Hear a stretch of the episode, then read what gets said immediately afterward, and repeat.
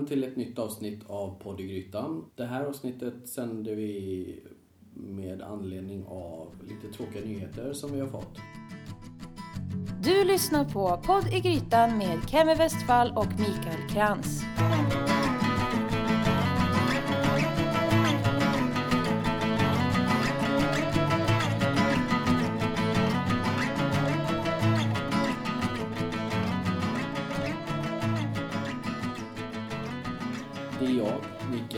Krantz, tillsammans med Patrik Krantz, min man, kommer köra det här avsnittet. Välkommen! Tack, hej hej. Hej hej! Och vi kör det här utan Kevin idag. Och han vet inte ens om det. Eh, ja, här sitter vi i en lägenhet i Berlin som vi spenderar påsken i. Vår lägenhet. Vår lägenhet. Ja, det är inte en lägenhet, det är vår lägenhet. Det stämmer. Och vi sitter hemma ikväll. Varför gör vi det? I Berlin. Det är dansförbud. Dansförbud. Ja. Vad betyder det? Egentligen var det dansförbud igår på långfredagen. Det förstår jag inte. Det hade vi i Sverige fram till början på 70-talet med. Fick man inte gå på bio, man fick inte dansa, man fick inte göra någonting som var man skulle glädjas åt på långfredagen. Man skulle känna av lidandet Oj då. Ja, från Jesus på korset. Och det lever kvar här. det lever kvar här i Men det är ingen som bryr sig så mycket om det, som vi läste igår. I Bayern hade det varit tuffare. I Bayern hade det varit tuffare. Där har de tre dagars dansförbud enligt lag. Men efterlevs det? Nej, som de säger, någon måste anmäla det för att polisen ska bry sig. En Okej. gammal lag också. Här är dansförbud långfredag mellan 04 på morgonen och 21 på kvällen. Men som någon journalist skrev lite vitsigt så spelar det inte så stor roll för det är ingen som går ut före midnatt ändå. Det stämmer ganska bra. Det är också därför inte jag kommer ut någon gång för att det finns ingenting som är öppet under de timmarna jag är vaken. Jo, det finns det. Det finns till och med klubbar som är öppet dygnet runt så att det är kanske ingen eh, ursäkt men jag är, jag är alltså inget nattdjur. Du, du efterlever den bayerska lagen. Du sitter här i soffan. Precis. Jag tänkte egentligen att vi skulle passa på och det som jag började prata om då, den här tråkiga nyheten, det var ju egentligen att det stod i tunnelbanan att det inte blir någon tysk sparris i påsk. Alltså, man kan inte leverera någon, någon färsk sparris, eh, vilket många egentligen hade hoppats på i Tyskland. Och det hela beror ju på egentligen att Påsken är så tidig. Påsken är tidig och det Väldigt betyder tidig. att sparrisen inte hinner bli färdig. Den hinner inte mogna, eller säger man mogna hos sparris? Växa. Men eh, samtidigt tänkte jag att när vi ändå fick möjligheten att köra ett litet avsnitt så kan vi berätta lite grann om vad vi brukar hitta på när vi är i Berlin. Idag till exempel då på dansförbudet så stannade vi hemma och lagade mat. Vad blev det för något? Det blev en eh, oxköttbit tillsammans med en sötpotatisstomp som med parmesan i. Och färska långa gröna bönor. Så Mm. blancherade har jag lärt mig. Har jag gjort. Så var det en Någonting som jag gillar väldigt mycket. ramslök. Just det. Eller som vi säger här, bärlauch. Bärlauch. Och vad har vi handlat det? Ja, det kommer ju då från eh, en av mina favoritaffärer här i Berlin. Som eh, har ett koncept där man, när man kommer till butiken och inte riktigt vet vad man vill käka. Så kliver man in, man tar en korg och så går man runt och tittar bland ett antal bord där det finns uppdukat då ett antal olika menyer eller rätter vid varje bord. Så att man går förbi ett par stycken förrättsbord där det står skyltar om vad man kan tillaga och så ligger alla ingredienser runt det här bordet och det finns lite kyldiskar och så vidare.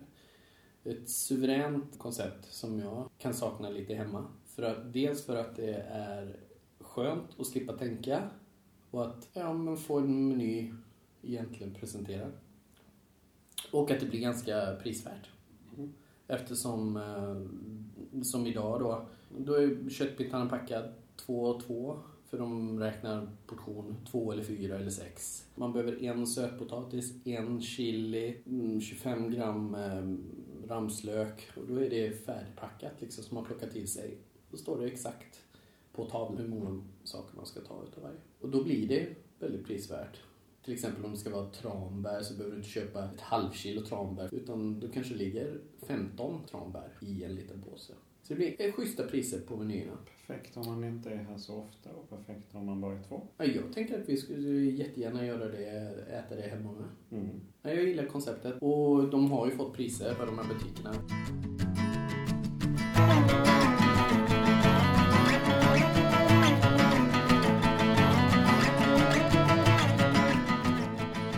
Yes, vad har vi gjort mer? Vi har varit på bio. Ja, sett en, en nyinspelad Anne Franks dagbok. Mm. Det har gjorts många, såväl teaterstycken som filmer genom åren. Vi kollade, den första gjordes någon gång på 50-talet och sen har det gjorts nästan var tionde år. Och nu är det en ny film som hade premiär bara för några veckor sedan här i Tyskland och en tysk film. De andra har ju varit, jag tror inte det gjort en tysk film innan, det har varit allt från amerikanska, engelska och holländska. Eh, men den var jättevälspelad och oerhört berörande. Mm, Man lever sig verkligen väldigt gripande Mm. och väldigt sevärd. Eh, Mm. Man får verkligen följa med rätt in i familjen Franks tragiska livsöde. Mm. Och får veta lite vad de gjorde innan de fick gå under jorden, Mm. hur de levde. Slutet är ju så välbekant men det är ändå väldigt, väldigt gripande. Det som slog mig var att eh, alltså jag har bara ett minne av, eller det kanske inte ens är ett minne av eh, någon tidigare inspelning utan det är kanske bara en känsla att jag tyckte att det blev så verkligt för att de, de hade ju trots allt, alltså jag hade en föreställning om att de knappt hade sängar på det här gömstället som de gömde sig på. Utan att det var mer, att det var väldigt, väldigt mycket spartanskt. Det är min, eh, min föreställning, att jag har sett det tidigare. Men här hade de ju sängar och de var ju snyggt klädda, det var porslin och det blev väldigt verkligt. Ja, man fick ju verkligen, det var det som var så fint med filmen för man fick både se en mänsklig vardag, hur Mm. de levde dag för dag och Mm. även hur tristessen var att ständigt, de fick vara tysta hela dagarna under två års tid, två och ett halvt års tid. Mm. Eh, De fick endast röra sig på helger och nätter. Mm. För de var ovanpå. Och jag har ju varit, jag har varit där. Ja, för lägenheten? 20 år sedan. När jag tågluffade. Då var vi på besök där. Så jag har sett eh, den här lägenheten. finns ju som ett museum i Amsterdam. Mm. Men det som blev så levande det var just att man fick se hur det var att leva på det sättet man innan de gick under jorden. Hur utpekade, hur avhumaniserade de var som judar då. De gick med sina gula stjärnor och försökte leva ett vanligt liv men blev trakasserade allt på badstränder och i vardagen innan de ens, medan de fick synas på gatorna. Sen Mm. Anledningen till att de gick under jorden var ju att de annars skulle mycket tidigare ha skickats till koncentrationsläger. Precis. Men de lyckas ju hålla sig gömda väldigt länge. Men tyvärr blev de avslöjade. Mm. Ja, det var inte så mycket om vad de käkade. Det enda egentligen som man ser på... De försökte göra någon liten tårta när det var någon födelsedag. De satt och skalade potatis. De hade ju problem att få ingredienser eller råvaror. I och med att de gick under jorden så var ju deras ransoneringskort inte giltiga. Nej, de, gick, de De på spärrades ju. nåder av dem eh, som hjälpte dem. För att Mm. alla judar blev av med sina ransoneringskort. För de skulle ju egentligen ha skickats iväg. Mm. Så att de hade egentligen inte kunnat få ut någon mat. De Mm. fick det av de här fabriksägarna eller den här industrin som de bodde ovanpå. Ja, precis. Och det var ju en scen där när de sitter och skalar potatis är männen som kommer in sent till det här gömstället och påpekar att de skalar lite för, för mycket. Mm, men det var ett, ett filmtips mitt i det hela. Men eh, vad har vi gjort mer då under de här dagarna? Ja, idag var vi på Winterfeldplatz. Som är en stor marknad. Ja, lördagsmarknad. lördagar har de eh, en av Berlins mest besökta välkända matmarknader där man kan köpa allt möjligt. Färskt och och tillagat. och. Det är allt från kött och fågel och fisk och grönsaker och blommor.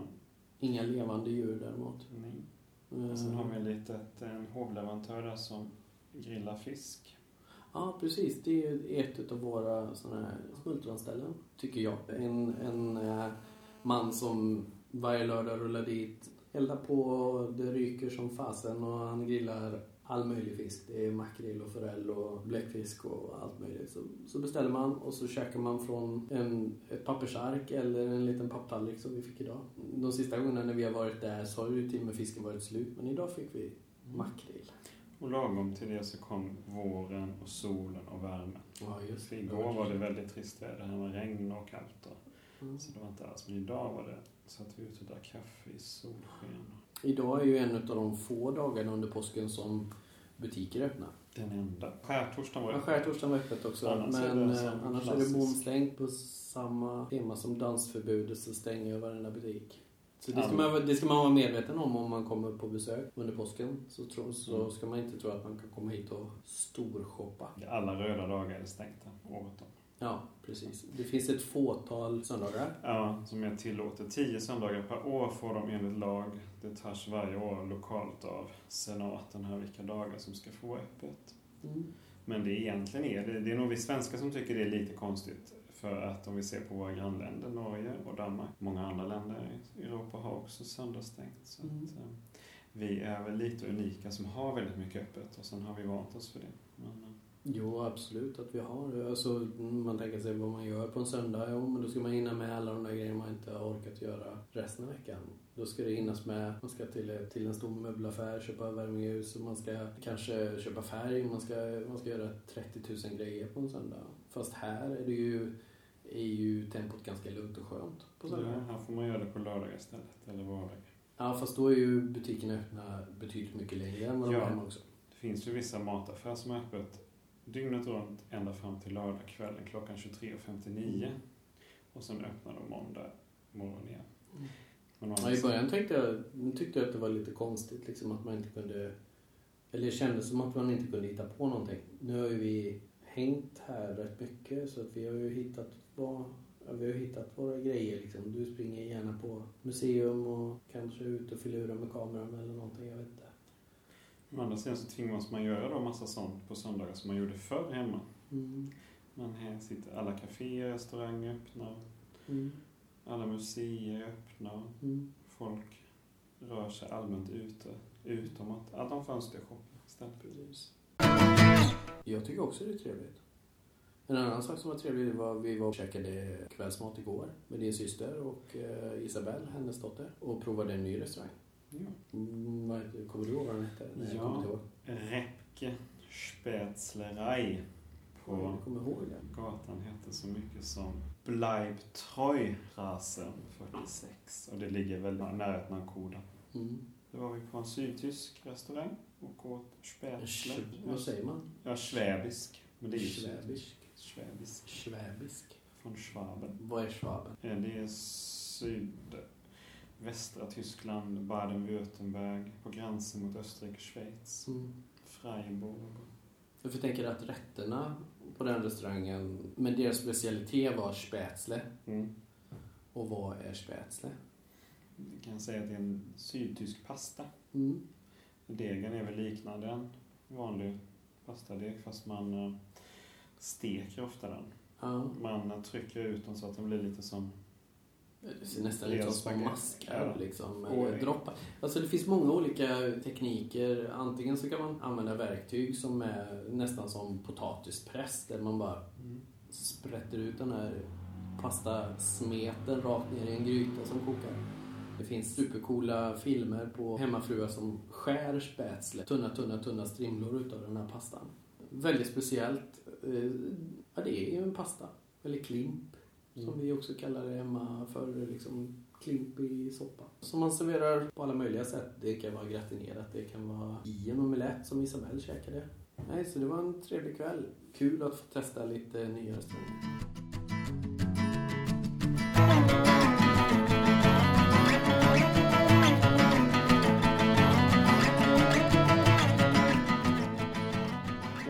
Ska åka Berlin för första gången, vad får de inte missa? Kontanter. Kontanter. Ja, det är klart. Men man behöver inte ta det med så man kan ta ut det överallt. Ja. Det är fortfarande landet kontant, alltså i små... Nu det har ändrats ändå mycket som vi kom hit första gången för tio år sedan. Mm. Men eh, fortfarande är det i alla servicebranscher så är de inte så glada i kort. Funkar i varuhus och större butiker men eh, cash, cash is king här. Men om man ska se någonting då? Om du bara fick göra en, en sak när du kom hit nästa gång, vad skulle du göra? Mm, ja, men då ska man väl se. Egentligen är det ju, måste man säga två saker för det är två avgörande epoker i tysk historia i modern tid och det är ju eh, rester från nazitiden och rester från kommunistdiktaturen, DDR. Och då ska man ju se, de är väldigt duktiga på att visa upp sin historia, tyska. Mm. Även om de inte alls kanske är stolta över den så sticker de inte under stolen med den utan den behandlas hela tiden. Så mycket från nazidiktaturen, framförallt förbrytelserna, visas upp. Och det är ett väldigt sevärt förintelsemonument som ligger precis vid eh, Brandenburger Tor. Som vi ska till Ja, det ska vi se. Mm. Isabelle, min systerdotter, ska vi visa det. Det är ett fantastiskt museum som ligger under jord, under de här stenarna. Och där går ju också murgränsen. Och man har också lagt det här förintelsemonumentet på Hitlers högkvarter. Det var där alla Hitlers ministerier och annat maktcentra låg. Och det är väl en Symbolik. symbolfråga, symbolik. Och sen det den nya delen av den nya regeringen, det enade Tysklands regering. Men ska man se ytterligare en sak så ska man givetvis se murresterna. Då ska man åka till Bernauer Straße. Mm. Där finns ett, där har man sparat muren i sin helhet då, med de dubbla murarna och vakttorn och allt. Där var jag ju idag, fast inte av den anledningen. Nej, så det ska man, om man har historiska så ska man se de saker. Sen finns det oändligt mycket annat att Mm. titta på. Nutida och dåtida händelser. Mm. Om jag då ska ta den lite lättare delen utav eh, turistandet så skulle jag ju inte missa KaDeWe. Nej. Eh, det stora, stora varuhuset som ligger mitt i Berlin. Ja, gamla Väst, City Väst. City West. Mm. Med en matavdelning på sjätte våning som är enorm. Den är verkligen enorm. Där man kan fiska levande fisk. Ja, där finns levande fisk och där, ja, det finns nog... Brukar de inte skryta om att det finns så extremt många korvsorter och allt möjligt sånt där? Tror jag. Men eh, det Brandenburger Tor finns i choklad. Champagnebarer i varenda hörn, höll jag på att säga. Det är inte riktigt sant, men tre, fyra stycken finns det. Mm. Eh, och sen då eh, borta vid eh, Bernauer Straße finns en jättebra liten köksbutik som jag besökte idag. Stenkast därifrån. Kan man passa på när man ändå gör kulturhistoriegrejen. Kan man sticka in där och titta på lite slevar. Det blir inte mycket mer tips idag. Nej. Det är snart läggdags. Så vi säger eh, tschüss. Och gute Nacht. Gleis 3 Übergang zu U1. Bitte beachten Sie beim Aussteigen die Lücke zwischen Zug- und Bahnsteigkante.